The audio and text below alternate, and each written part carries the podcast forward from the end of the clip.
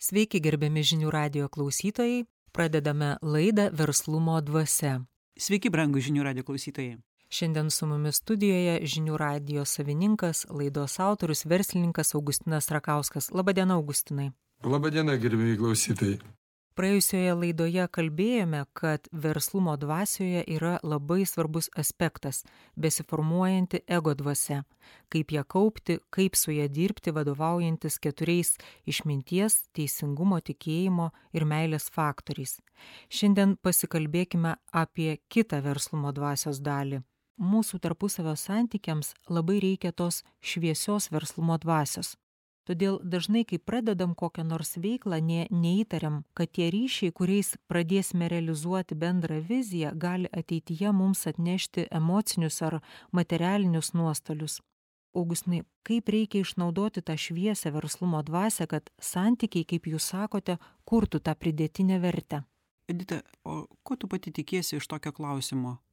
Kaip reikia tai daryti? Praeitoj laidoj tarp kitko augustinas mums aiškiai pasakė aš jums receptų nedalinsiu tai yra bendras procesas. Ir bandom keisti klausimus. Kaip tai turėtų būti?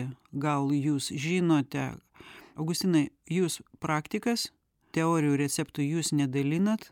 Paimkim paprastą situaciją. Laiks nuo laiko jūs dalyvaujate pokalbiuose su kandidatais būsimais darbuotojais. Tai štai edita kalba apie šviesiąją tą pusę kaip jūs tarkim jaunam žmogui verslumo dvasios kontekste.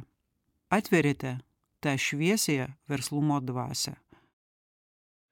Į personalo skyrių pretenduoja jauna mergaitė sakau klausyk neturi būt darbdavio pusėje ir neturi būt darbuotojo pusėje. Turi stengtis kad darbdavys neužgožtų darbuotojų o darbuotojai nepadarytų darbdavio įkaitu savo nes jų visada daugiau jie reikalavimus stato jie nesuvokia visos įmonės problemų ir jie nori apgint savo interesus. Jų visada daugiau ir jie visa tai susivieniję gali padaryti. Ir tada nebus ką ginti nes nebus įmonės nebus nei darbdavio nei darbuotojo. Tiesiog visi išeis į gatvę ir tas darbdavys dar papildys bedarbių armiją.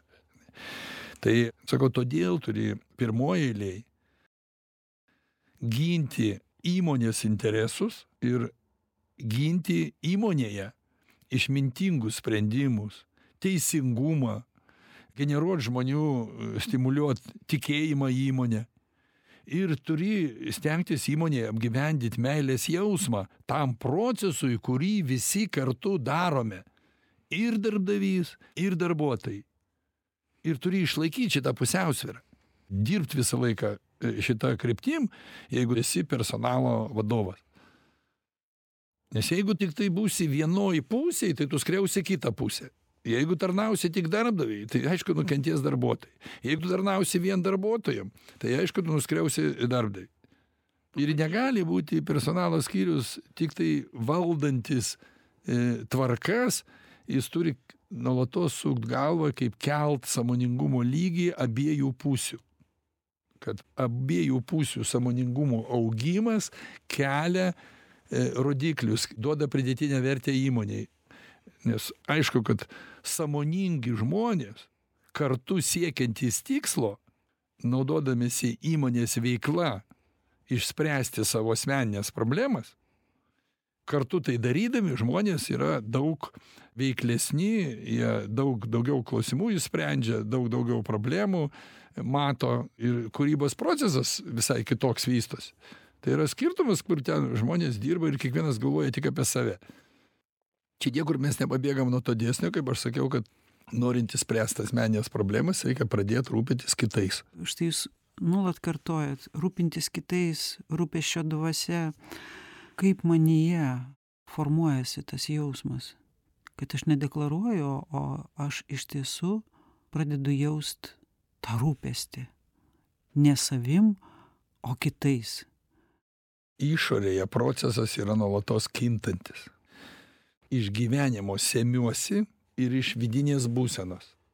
Ir kadangi keisdamasis gyvenimas jis įtakoja mano vidinę būseną mano vidinės būsenos transmutacijos plečia požiūrį į išorę ir apimu didesnį plotą gilesnį gylį, aukštesnį įsivaizdavimą. Nes papildžius informaciją keičiasi vidinis požiūris. Jeigu tu didesnį plotį apimiai, tai norint apriept tą įsivaizdavimą, jeigu mes gavom daugiau žinių ir mes norim pažiūrėti į visą tai, tai ką mes galime padaryti? Turime padaryti. Mes turime pakilt virš viso to. Tai jeigu turi tik tai kiemą, tai išeini į kiemą pasidairai, nes tavo galva aukščiau kiemo. Matai viską, kas tavo vyra. Bet jeigu tu turi, sakysim, šimtą hektarų ir nori pažiūrėti į savo visą tą ūkį, nu, tai arba turėjo apvažiuoti su mašina, bet kuo liktų būni vienam galė, tu nematai kito galo. Negali pilnai susijęti visų tų dalykų. Bet jeigu nori apžvelgti visą tai, arba tu prašai žemėlapio visos tos vietovės, kur iš satelito duoda, arba sėdi į malūnsparnį, pasižiūriu, kaip iš viršaus atrodo viskas. Giliai išvelg galime tiek, kiek turim žinių. Kiek galim giliai įnerti į tuos dalykus ir susidėlioti juos išanalizuoti. Ir natūralu, kad be naujų išgyvenimų, be naujų būsenų, potyrio, be naujų pastebėjimų mes negalim plėstis. Reikia papildyti resursus. Jeigu analizuoji kažkokią vienam formate informacinio lauko, tai jisgi turi savo ribas. Bet kai tik tai išsemi viską, išnaudoji, tai jau tu nieko naujo negali sugeneruoti. Ir tada galima būtų sakyti, kūrybinis potencialas išseko. Ir kad atsidarytų netgi tas pats informacinis laukas, kurį jau turi, kad jis atsidarytų nauji jo aspektai, turi kažką tai papildyti iš išorės. Augustinai dažnai sakoma, kad genialumas yra paprastume, tai kaip čia kuo pildyti? Konferencijos, kažkokie kursai? Aš skaitau kiekvieną dieną vadinamą gyvenimo knygą. Klausau, ką kalba, stebiu, gilinuosi, žiūriu televiziją, kitą kartą kažkokią knygą paimi. Bet dažniausia būna tai tie impulsai iš bendravimo su žmonėmis. Augustinai, kodėl jūs žmogaus patirtį norite atskirti nuo asmenybės, nuo personalijos? Trečioj knygoje didelį akcentą dedu ant dvasios ir skaitau, kad esu visos visuomenės ir visų žmonių dvasios dalis ir negaliu būti tuo asmeniu, kaip žmogus, kaip sutvėrimas gali išnaudoti savo gyvenimo patirtį ir kad kiekvienas patirdamas skirtingą patirtį, jis deda į bendrą visos žmonijos dvasę tam tikrą savo patirties indėlį. Visai nesvarbu, ar jisai blogietis, ar jis gerietis, ar jis mokslininkas, ar jis dvasiškis. Jis turi suprasti, kad jis yra šitos visos žmonijos visuomenės dvasios dalis. Ir jis su savo gyvenimo būdu, su savo autentiškomis patirtimis yra vertybė. Yra bet kokiu atveju. Net būdamas pasiekmė kažkieno tai kito kuriamų tvarkų, sistemų, jeigu jį suklaidino, robotizavo, zombizavo, padarė kažkokiu kankiniu, priklausomu, jis turi ieškoti būdų, kaip pasidalinti savo būseną. Nes kiekvienas pasidalinimas savo būseną suteikia visai visuomenės dvasiai pridėtinę vertę. Žmogus gali tada klausydamas, analizuodamas, gilindamasis, gali rinktis. Čia ir yra tas, ką pasakėjai. Ta galimybė kurt, nes kada gali kurti, kada turi iš ko rinktis. Jeigu mes pasodinsim vaiką ir jį apkrausime kaladėlėmis ir sakysim, pastatyk namą, tai jis taip, kaip supranta namą, taip ir jis ir jį pastatys. Jeigu mes duosim vaikui krūvą spalvų ir sakysim, nupiešk paukštį, mišką. Jis taip, kaip jis tą mišką mato, kaip jisai supranta, kaip jis geba jį atvaizduot, tokį jį ir pavaizduos. Bet tai bus jo miškas. Tai va čia, be filosofijos, kad žmogus tampa visuomenės dalimi ir kad tai yra viena dvasia, kurią mes vadinam žmonijos evoliucijos dvasia žmonijos vystymosi dvasia žmonijos tobulėjimo sąmoningumo augimo. Tai be filosofijos mes čia nei žingsnio negalim žengti. Nes tas apibrėžimas kurį mes pavyzdžiui mūsų kalbos pabandytume sudėti kažkokį apibrėžimą tai kas gautųsi? Ar tai gautųsi daugybos lentelė ar tai gautųsi kažkokios tai taisyklės? Gautųsi filosofija. Gautųsi kas požiūris į tam tikrus dalykus. Požiūris ir jis tampa laisvas jis tampa visų. Ir kiekvienas gali rinktis iš to šaltinio. Štai jūs sakot požiūris kalbat apie laisvę ir kiek ta laisvė yra vidinė kiek tai yra daugiau susiję su išore. Paimkim knygą. Kaip jūs kalbate apie šitą vientisumą truputį gal neaiškiai kalbu. Štai mes dalyvavome knygos rašymo periode taip ir matėm kaip jūs visiškai nesiorientavote į tai kad būtų labai griežta tvarka. Juk jūs savo įžvalgas savo mintis dėjote ne tai jums buvo svarbu kad jos turėtų griežtą struktūrą. Štai apie ką aš noriu pasakyt. Kas čia per fenomenas? Tai vat knygos rašymo metu turėjau tokią vidinę intenciją dėjau per daug nesukdamas galvos nedarydamas kažkokios sistemos. Bet ką mes aptikom juos skaitydami? Kad praktiškai kiekvieną skyrelį kurių ten daugybė gali dėti į kokią nori vietą ir jis nesipeša su kitu. Tai kad norint sudėliot sistemą kažkokią iš tų visų skyrelių tai jau reikia tam tikrų sugebėjimų ir tam tikro tikslo vizijos turėjimo ką mes norime iš tų kaladėlių sulipdyt. Ir kadangi vengiau ir neturėjau tokios intencijos kad sulipdyt kažkokį tai kibirą kurį užmausim žmonėm ant galvos kaip dogmą tai aš rišausi prie pagrindinių vertybių kurios stengiausi kad sutilptų į šituos aštuonis faktorius. Į dvasinio pasaulio išmintį teisingumą tikėjimą ir meilę ir materialiam pasauly į mokslą veiklą meną ir šventoves. Nes šitie keturi faktoriai yra visi apčiuopiami jie visi regimi juos visus galima pačiupinėt pamatyt jų kūrinius jų rezultatą jų pasekmes buvimo arba eksploatavimo. Bet išminties teisingumo tikėjimo ir meilės faktoriai jie formuoja būsenas jie formuoja emocijas jie formuoja jausmus bet jų nei vieno ant stalo padėt negalima ir paimt pačiupinėt. Pavyzdžiui mokslinio išradimo kaip pavyzdžiui veiklos rezultato kuris gimsta kaip automobilis kuris labai susieja su mokslu kaip ir išmintis susiejus su teisingumu. Ir nieko čia nesukūriau tiktai atsirėmiau į atraminius sąmoningumo ugdymo faktorius. Ir ką pastebėjau kad žmonės veikdami atskiruose faktoriuose jie turi turėt visus kitus faktorius kurie atstovauja šituos kertinius dalykus kurie kelia žmonių sąmoningumą. Jeigu teisingume nėra išminties nėra tikėjimo ir nėra meilės tai tas teisingumas negali būti teisingumu. Jis nustoja būt teisingumu. Tai yra tiktai kažkieno tai įrankis. Ar tai sistemai naudingas ar tai bendruomenei naudingas ar tai žmogui naudingas. Jis netobulas. Su juo galima visąlaik manipuliuot.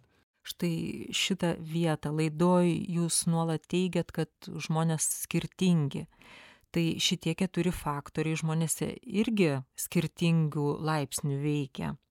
Kaip kinta tarpusavy šie faktoriai arba kaip kinta tų faktorių veikiamas pats žmogus? Nežinau ar aiškiai paklausiau bet šitą vietą prašau paaiškinkit. Natūralu išminties kriterijai ir pavyzdžiui tikėjimo ir meilės kriterijai pas visus žmones yra skirtingi ir mes norėdami susikurt kuo didesnį teisingumą o kadangi visi šitie kriterijai yra žmonių būsenose Tai visi žmonės turėdami tas būsenas, jie kinta, jie keičiasi. Ir kitimas ir pasikeitimas priklauso nuo koreliacijos tų visų keturių būsenų - išminties, teisingumo, tikėjimo ir meilės. Nes jeigu mes kalbam apie teisingumą, tai teisingumą nuolatos veikia ir įtakoja išmintis, tikėjimo faktorius ir meilė. Jeigu mes kalbam apie e, tikėjimą, tai tikėjimą pastoviai veikia, daro jam tiesioginį poveikį, kiek žmonės yra išmintingi, kiek jų išmintis lavėja, kiek jų teisingumas yra teisingas ir kiek žmonės sukuria meilės jausmo. Tai jeigu jie turi šitos tris faktorius, tai žmonės ima tikėti jais. Bet jeigu tiesos nėra, jeigu teisingumas yra neteisingas, jeigu išmintis yra kvaila ir ją nevadina žmonės išmintingais sprendimais, natūralu, kad vienam ta išmintis atrodo kvailystė, o kitiem atrodo, kad labai daro išmintingai. Kadangi šitie dalykai yra gyvi, besikeičiantis, nuolatos transformuojasi į kažkokias tai pasiekmes, sukelia žmonėm vienokias ar kitokias būsenas, tai natūralu, kad mes turim atsižvelgti į kritinės masės susidarimą. Kada kritinė masė susiformuoja ir įgauna galę, jinai ima daryti poveikį. Ir kas įvyksta? Žmonės, kurie valdo tą kritinę masę, jie gauna svertą, su kuriuo jie daro didelę įtaką ir daro poveikį žmonių sąmoningumo augimui, evoliucijai. Jeigu jie pradeda piknaudžiauti, jeigu jie pradeda tai išnaudot kaip priemonę, tai faktoriai pradeda nykt išmintis pradeda nykt, teisingumas nykt, nes visuomenės evoliucionavimo daugumą, tą galę, kuri susiformavo kaip išmintis, teisingumas, tikėjimas ir meilė, ją padaro priemonė. Tie, kurie turi savo rankose tai, ką išpažįsta didžioji visuomenės dalis. Kodėl ir renka visą laiką daro rinkimus ir kodėl politikai turi keistis, turi vykti kaita. Nes jeigu užsisėdi tie patys žmonės, ką mes turim savo valstybei, tai mes labai akivaizdžiai matome, kad procesas nukrypsta devalvacijos tų vertybių keliu. Ir net formuojasi rafinuotumas, formuojasi korupcija, nesažiningumas, visi šitie faktoriai pradeda aukti ir jie sunaikina išmintį, sunaikina teisingumą, sunaikina tikėjimą žmonių ir išgyvendina iš visuomenės tarpo meilę. Meilė yra tas fenomenas, kuris visas šitas sudėdamasis apjungia. Gal, sakyčiau, labiau tiktų meilę pavadinti kaip dvasinę būseną, nes negalima, kalbant apie tokius dalykus, prieiti prie užbaigtumo. Mes turime įvardyti, kad meilė suteikia mum impulsą ir galimybę toliau kurti. Jinai tarnauja mum kaip pagrindinis faktorius, kuris maitina teigiamus dalykus mūsų gyvenime. Tai yra būsena ir yra dvasios dalis. Ir labai reikia saugoti tą meilės jausmą tėviniai, jausmą vienas kitam, jausmą tai dvasiai, kuri kūrė išmintį, teisingumą, tikėjimą ir meilę.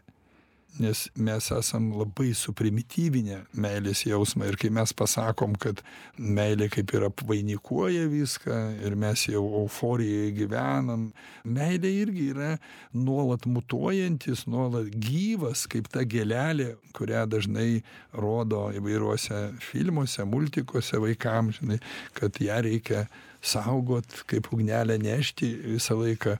Kodėl sako, moteris yra namuose meilės žydinio prižiūrėtoja. Jeigu jinai nėra kūrenama, tai meilė užgesta. Meilė irgi reikalauja išmintingo prieimo. Meilė reikalauja teisybės. Meilė reikalauja tikėjimo. Nes jeigu šitie dalykai pradeda nykt, tai nyksta ir meilė ir jeigu kažkas pradeda eksploatuot šituos dalykus kaip priemones ir ką mes girdim dažnai čia meilė tėvynei meilė žmonėm tai mes nieko daugiau ir negirdim.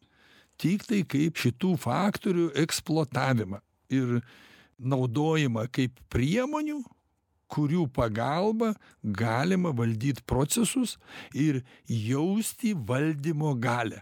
Augustinai jeigu mes tik norėtume suprasti kad visas mūsų primityvumas ir visos mūsų problemos kyla tik todėl kad mes nesistengiame pajausti savo sielos dvasios. Žmonės būna kad iki gyvenimo pabaigos nešioja problemas kurias jie patiria ir jie nesuprasdami dėsnių nesuprasdami kaip tai vyksta subtiliam lygmenyje kodėl žmonės vienaip ar kitaip išlieja savo emocijas savo jausmus vieni pergyvendami kiti apsisaugodami. Įvairios situacijos būna ir jie iki penkiasdešim iki šešiasdešim metų nešioja. Duok dieve jeigu mum šitam gyvenime pavyksta nors prieš mirtį suvokt ir išeit atsikračius visų tų dalykų. Būna aišku labai skausminga kada suvoki tada kada jau nieko pakeist negali. Kada jau yra fatališkos kažkokios pasekmės tada tenka su tuo gyvent. Ir tos transmutacinės vidinės jos vėl nuveda į graužatį į priekaištus ir vėl formuojasi naujos šmėklos įsikūnijimą žmogus atsineš visas taip šitas taip jis niekur nuo to nepabėgsi ir jeigu įsineši tuos dalykus tai turėsi juos išgyvent ir per šitą visą procesų kaitą ir sukimąsi ir formuojasi tai ką rytų filosofija vadina karma niekas mum karmų nekuria mes jas patys susikuriam su savo santykiais vienas su kitu visos nuoskaudas skriaudas. Ir mes jeigu čia nesugebam vieni kitiem kai sako sugrąžinti tų skriaudų tai mes tai padarom sekančiuose gyvenimuose. Augustinai inga dėkui. Gerbiami žinių radijo klausytojai laukiame jūsų po pertraukos antroje laidos verslumo dvasia dalyje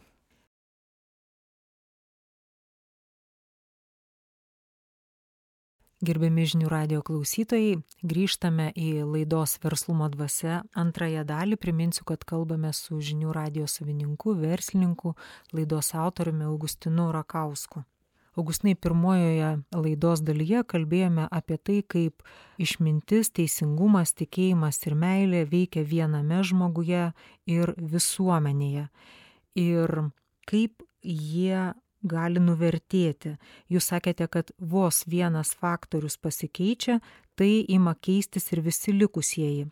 Jei mes kalbam apie santykius tarp visuomenės narių tai galim pamatyti kad dėl to nuvertėjimo atsiranda iš pirmo žvilgsnio lyg ir nekalta emocija nuoskauda. O eigoje ji gali sukelti tiesiog negrįžtamus procesus kaip jūs tai matote kaip ta nuoskauda taip nežymiai taip tyliai pradeda savo kelią? Jūs dirbate su žmonėmis ir tikrai matote kokius darinius pagimdo nuoskauda. Sėda į organizmo ląsteles generuoja nepasitenkinimą kaupiasi kol tampa gyva substancija norinčia save realizuot norinčia atkeršyt reikalaujančia satisfakcijos. Ir kadangi jinai apgyvendyta mūsų organizme tai ką jinai daro? Jinai ir kovoja. Jinai ir ieško tos satisfakcijos. Jinai kovoja su visa aplinka. Galima būtų taip sakyt grubiai keršija. Ir jinai pradeda kariaut su kitom harmoningesnėm ląstelėm kurios laiko pusiausvyrą kurios pasitenkinimą turi ir ir džiaugsmą ir sugeba išlaviruot pusiausvyros būsenoj. O tos ląstelės kuriose kai tos nuosėdos susikaupia jos tos nuoskaudos turėdamos kaip aš minėjau satisfakcijos tendenciją kad mane užgavo mane nuskriaudė aš nelaiminga man blogai padarė. Ir tas viduj kaupiasi kol galų gale tampa kūnu įgauna savo dvasią ir tos molekulinės substancijos organizme susiformuoja į gyvas ląsteles su savo sąmone su savo tikslinga energetika nukreipta kovot, atkeršyt, atsiimt savo. Jeigu tai susiformuoja į gyvą molekulinę struktūrą, jinai plečiasi. Juk mes puikiai žinom, kad reikia tik tai įsileisti į save nuoskaudos jausmą ir jis pradeda augt. Pradedi gailėti save, pradedi vis didesnę nuoskaudą jaust. Paskui jau iš vis jeigu anksčiau reikėdavo kad kažką padarytų tas žmogus dėl kurio elgesio tu jauti tą nuoskaudą tai jau užtenka vien pagalvot apie jį ir tu jau pradedi visas burbuliuot organizme prasideda reakcija ir visa tai gamina gyvą energetinę substanciją organizmo ląstelėse o jos pradeda augt augt jos kaupiasi kaupiasi. Kol jų yra mažuma jas organizmas neutralizuoja. Tai koksai palaimos blyksnis tai draugai tai kokia šventė tai kažkoks laimingas potyris. Visi tie teigiami dalykai neutralizuoja organizme nuoskaudos ir nepasitenkinimo organizmo formavimąsi augustinai didžiausią nuoskaudą kelia mūsų noras ir pastanga pakeisti vieni kitus. Visi mes bandom vyrai moteris pakeist moterys vyrus bando pakeist tėvai vaikus bando pakeist vaikai tėvus bando pakeist. Visą laiką šitas procesas vyksta. Visą laiką kažkas pralaimi kažkas laimi. Vadovai stengiasi žmones pakeisti žmonės stengiasi vadovui nuomonę suformuoti kaip jis turi galvoti kad jis pasikeistų politikai visą mūsų visuomenę bando pakeisti ir paaiškinti kaip ji turi gyventi kaip ji turi elgtis kaip jinai turi žiūrėti į jų valdymo politiką. Ir pasauliniam kontekste lygiai tas pats vyksta. Valstybės kurios praeituose šimtmečiuose eksploatavo kitas valstybės jos šiandieną suka galvą kaip sukurti žmogaus būsenoje sampratą kad jis padėtų kitam kenčiančiam žmogui kitam nelaimingam žmogui. Nes tiem kurie kažkada sukūrė šitas problemas ir šiandien turi sotų ir gerą gyvenimą materialine prasme jie negali sukurti dvasinės ramybės. Jie netgi mato pavojų iš tų skurstančių žmonių todėl jie labai suinteresuoti kad tie žmonės pradėtų vienas kitą gelbėti. Jie net kuria tam tikras organizacijas jas finansuoja ir tai yra toksai procesas. Jis vyksta tiek vieno žmogaus organizme santykyje su pačiu savimi su savo būsena tiek su vienas kitu tiek šeimoje vienas kito narių atžvilgiu tiek įmonėse tiek valstybėje ir kaip matot pasauliniam kontekste tas pats vyksta. Nes ten irgi kyla nepasitenkinimai ką mes galėtume pavadint vėžiu. Tai kodėl tuos pūlinius stengiasi pradurti įtakingos valstybės kad jose tiek besikaupiantys nepasitenkinimo pūliniai sprogdami nepaveiktų tų išsivysčiusių valstybių gerovės nes tas užkratas kaip vėžys jis plečiasi. Tai aišku kad jie suinteresuoti kaip nors tą organizmą įpratyti patį kovoti. O kaip to užkrato užuomazgas pastebėti savo būsenoje? Visada yra problema kada žmonės atlieka kažkokius veiksmus pirmoj eilėj galvodami apie save. Juk mes visose laidose kalbame kad nėra žmonėm kitos išeities ir nereikia jos ieškoti. Sau padėti galima tik padedant kitiem. Kol šito žmonės nesupras tol gamins patys problemas. Nes jeigu noris savo problemą išspręsti tai turi suvokdamas savo egoizmą spręsti problemą pagalbos būdu žmogui kuris tau gamina tą problemą vienoj laidoj jūs kalbėjote kad mūsų išgyvenamos nuoskaudos nepriteklius yra mūsų sielos pasirinkta tobulėjimo programa kiekvienas esam savo vietoj ir gaunam tokį žmogų ir tokią situaciją kokios mum reikia praėjai kažkada pro tokį vyrą kokį dabar turi dabar atėjai į gyvenimą, vėl gyveni. Vėl praeisi, vėl gausi. Kol suprasi, kame problemos to žmogaus, kuris yra tavo visos žmonijos kūno dalis. Nes rytoj jis irgi bus be kūno ir jis bus toj pačioj eterinio kūno daly, kurioje viskas bus susiniveliavę vienoj vietoj jūs sakote žmogus turi gauti problemas konfliktus išgyvent stresą šoką tam kad jis galėtų praplėsti savo matymo ir jautimo ribas. Kitoj vietoj jūs sakote kad žmogus jeigu vadovausis jausmo protu jis niekada nepateks į tokias ribines situacijas. Jisai sugebės jas numatyti. Vienais momentais taip kalbėdamas aš kalbu apie procesą kuris veda į rezultatą, reiškia į harmoningą būseną. Tai kam du tie dalykai reikalingi? Tam, kad mes išmanytume proceso reikalingumą ir kad suvoktume pasiekus su tuo procesu harmoniją, kad mes jau su ta, kaip sakai, trintim ir agresija išsilaisvinam ir tos problemos jau nepatiriam. Kada jos nepatiriam? Kada jausmas ir protas harmoningai dirba. Tai aš ir sakau, jeigu jūs per konfliktą, nes iš karto priešinasi ir jausmas, ir protas, harmonija tada, kada ateina supratimas dėl to, kad tu supranti ir jauti, ką tu supranti ir kodėl tu supranti. Gerai, šitas aišku. Nes kalbat apie mūsų realų apčiopiamą pasaulį. Bet kodėl kalbėdamas apie jį, nuolat pabrėžiate subtilaus pasaulio dėsnius? Todėl, kad kaip ir lygos yra užleisti procesai ir yra pradiniai procesai, prevenciniai procesai. Tai kai žmonės žino subtilaus pasaulio dėsnius, o subtilaus pasaulio dėsniai labai stipriai moko mus tarpusavio santykių. Ir kai mes žinom šitos dėsnius, mes iš karto galime nuspėti, išprognozuoti ir jau pasitikti tą problemą, į kurią eina mūsų partnerio siela. Jis turi savo ambicijas, savo tikslus, savo norus. Bet būtent nepaisimas vienas kito norų, o akcento dėjimas ant mano ego, ant to, ko aš noriu.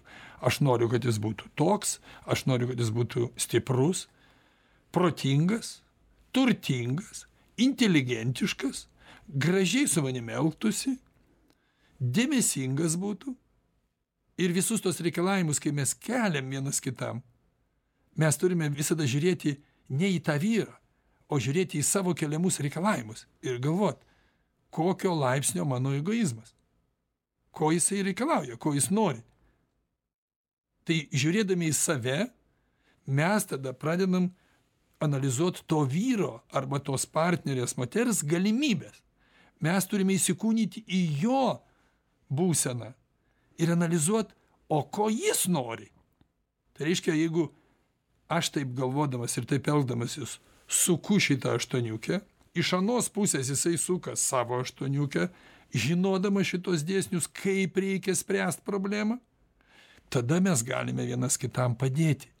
Tada mes gerbėme ir suprantame, suvokėme, kad mes esame vienas kitam pagalbininkai, mokytojai, kad mes net savo buvimu ir savo charakterių skirtingumu, požiūrių skirtingumu mes vienas kitą mokome ir ugdome, stimuliuojame sielos augimą. Tada toj šeimoje yra savitarpio supratimo dvasia, kuri apsaugoja vienas kitą. Nes patys save mes esam per silpni apsaugot. Ir taip funkcionuoja žmogaus genas. Todėl jis ir vadinamas dieviškas. Kodėl aš sakau, kad mes esame vieningas vienis, vienas organizmas? Todėl, kad mes tik būdami orientuoti vienas į kitą, galime spręsti savo problemas, vienas kitam padėdami. Nes jeigu mes galėtume tai padaryti pavieniui, tai mes negyventume nei bendruomenėse ir nebūtų mūsų čia tiek daug. Mes galėtume pavieniui viską išspręsti. Kalbėdamas apie stiprią valstybę, jūs pasakėte, kad pagrindinis galios svertas tai yra savitarpio supratimo dvasia arba kaip kitaip jūs kalbate vieningo vienio dvasia. Tai jeigu dar taip aiškiau kur yra ta terpė kur ta vieninga dvasia pradeda formuotis? Pasirodo ta vieningo vienio sėkla užgimsta būtent šeimoj. Ne kariuomenėj ne valstybėj ne organizacijoj o šeimoj. O šeimoj užgimsta kada žmonės pasidaro tolerantiški vienas kito atžvilgiu. Ir čia aš kažkaip anksčiau labai taip paviršutiniškai prieidavau prie šito. Dabar labai giliai pradėjau analizuot tai ir suvokiau kad čia visos žmonijos atgimimo geno susiformavimas slypi. Būtent vaikų ir tėvų santykiuose. Retenybė šiandieną pasaulyje surasti šeimą arba giminę kuri sugeba sukurt ryšį trijų kartų lygmenyje. Kad jaustųsi kad anūkas myli senelius. Senelis myli savo vaikus ir myli e, savo anūkus. Ir kad visur sukasi dualios trejybės principas. Jūs knygoj kalbat apie tai kokie negrįžtami procesai vyksta tarp kartų kada anūkas neturi sąlygų priimti iš senelio informacijos. Aš kalbu tos subtilios informacijos o senelis tuo pačiu negali jam jos grąžinti tam kad vyktų nuolatiniai kartų mainai. Šitas nebuvimas jausminio ryšio. Supratimas čia antraeilė kategorija. Sąvoka supratimas. Pirmiausia turi būt jausminis ryšys. Nes kai žmogus pradeda praktikuoti tai tai ką senelis sakė paprastai būna tiktai jausmų lygmenyje. Kodėl sako liaudies išmintis nemirtinga? O ką mes girdim tos liaudies išmintyje? Gauname tiktai tam tikras nuostatas e, tam tikrus išsireiškimus kuriuos mes gyvenimo praktikoje kažkur atrandam tarp jų asociaciją. Ir sakom kaip žiūrėk teisingai sakydavo mano senelis. Tai tas ryšys kad atsirastų ir kad sąmoningai žmogus perkeltų į praktiką tą dalį kurią galima pritaikyti. Tai reiškia kad jam nereiktų praeiti to ką praėjo senelis. Tai reiškia kad teoriją galima pritaikyt praktikoje. Bet kad tai atsitiktų jis turi tikėt. Kad jis tikėtų jis turi mylėt.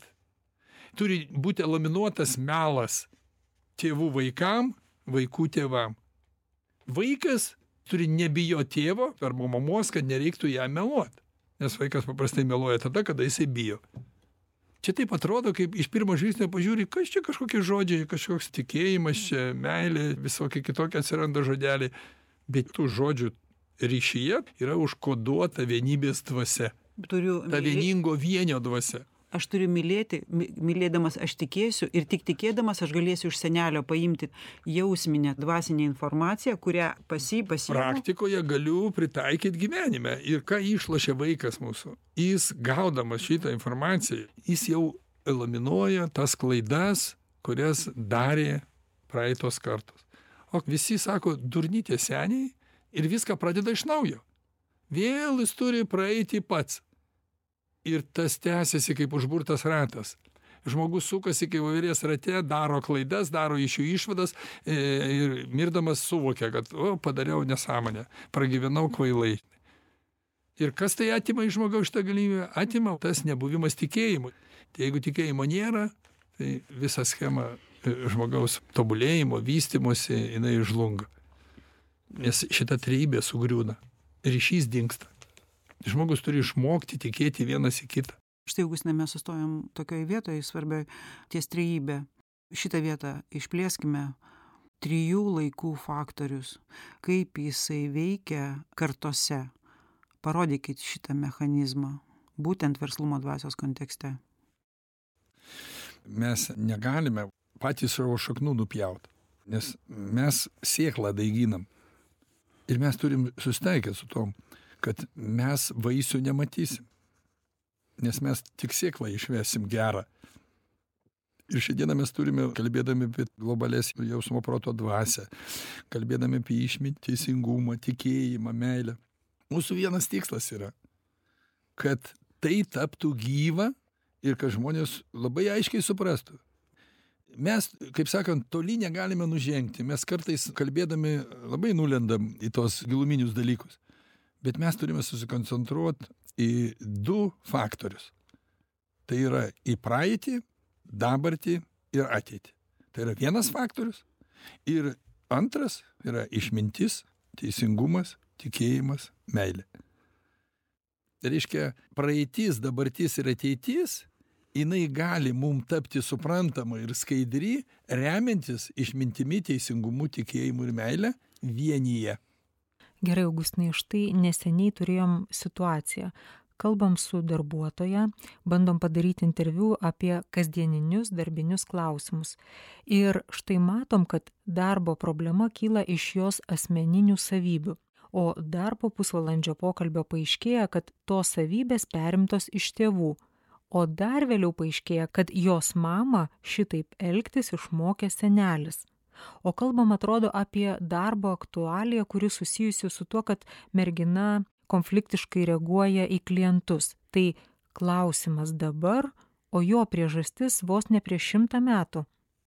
Jeigu mes sujungiam šitos dalykus ir sugeneruojam būseną, tai tada, dirbant, pavyzdžiui, su tokia darbuotoja, su kuria tu kalbėjai, ją galima davesti iki to, kad jai atskleisti ir parodyti, kad jinai dirba su praeitim, dabartim ir ateitim, naudodamasi išmintimi, teisingumu, tikėjimu ir meilė. Nes tie faktoriai iš praeities ją būtent ir stimuliuoja, o eksploatuodama praeitį, dabartį ir ateitį, jinai kūrė aukštesnio lygio išmintį, teisingumą, tikėjimą intuityviai, nesuvokdama. Ja vidus veda. Kadangi artėja kalėdos, štai jūsų nuostatų maldoj yra septintas punktas, ne, aštuntas. Viešpatė padėk mums dangaus ir žemės sieloms būti dieviškos išminties, teisingumo, tikėjimo ir taip toliau. Tai šita vieta visada klaustukas dangaus ir žemės sieloms. Tai mes pagal religinę išsireiškimą, kaip mes galim pasakyti, subtilaus pasaulio, kadangi mes krikščioniška šalis ir pas mus visi žmonės įtikėję, kad yra pamirtinis gyvenimas, kad siela niekur nežūsta. Ir kaip Kristus sako, kaupkite amžinus turtus, kuriuos įsinešite. Tai mes visi ir prašom. Ir ta malda, mano pritaikyta tokia, kad mes norime veikti kartu ir su tais, kurie neturi kūno, bet turi dvasę. Čia va tas užpasamoninio pasaulio mūsų kvietimas kartu dirbti, maldoj vyksta. Augustinai, jau labai nedaug laiko liko iki laidos pabaigos toks asmeninis klausimas. Pamenat, jūs rašėt straipsnį ir kalbėjot apie tai, kad jūsų senelis turėjo legendą. Ir štai dabar mes kalbam apie ryšį tarp kartų. Tai kokią įtaką ši legenda per mamą padarė jūsų gyvenimui? Aš irgi bandžiau gilintis, prajausti, kur čia tos intencijos, iš kur jos kyla, kur čia tie galai. To, pavyzdžiui, verslumo, to noro kažką sukurti, tokio didesnio, kokia čia dvasia mane užvaldžiu. Ir supratau, kad tie žodžiai, tas vaiko matymas savo senelio, kaip jisai slapstėsi nuo išvežimo į Sibirą, matymas ir girdėjimas, kaip jie kalba apie dvarą, kurį jį turėjo, kaip jisai kūrė tą dvarą, kiek kartų mama pasakodavo, kaip sunkiai tam dvarėje dirbdavo, su kokiam problemom susidurdavo. Ir man visą tai sąmonėje tiek užsifiksavo, kad užaugęs visą tai jaučiau. Ir paskui siekiant kažko veikia visą laiką emocija veikia kažką tai padaryt, kažką tai sukurt, kažką tai daugiau. Ir kas reiškiasi? Reiškiasi daugybė šeimininko bruožų. To šeimininkavimo, racionalaus ūkininkavimo, taupimo, tos sistemos kūrimo. Daug, daug tų faktorių, kuriuos girdėjau, yra vieną gražią dieną susimašiau ir galvoju, bet čia iš legendos semiuosi. Mano mamai legenda buvo jos tėvas apie kurį jinai man kalbėjo visoj vaikystėj. Jos kalba, jos svajonės ir pasakojimai apie savo tėvą man tapo legenda. Kaip karas nušlavė tą visą dvarą, liko tik pamatai, mes važiavom žiūrėti tos pamatus. Tai man tai buvo legenda vaikui. Ir jinai man sukūrė ir ambiciją sužadino, ir ir mane tai įkvėpinėjo jausdavau tokį vidinį dvasios pakylėjimą kada kurdavau įmonę šeimininkaudavau visąlaik jausdavau tą legendą. Bet kas tai ją vadinu legenda o iš tikrųjų tai yra dvasia. Dėkui jums augustinai dėkui inga. Ačiū jums mieli klausytojai kad klausėtės ir iki kitų susitikimų su verslumo dvasia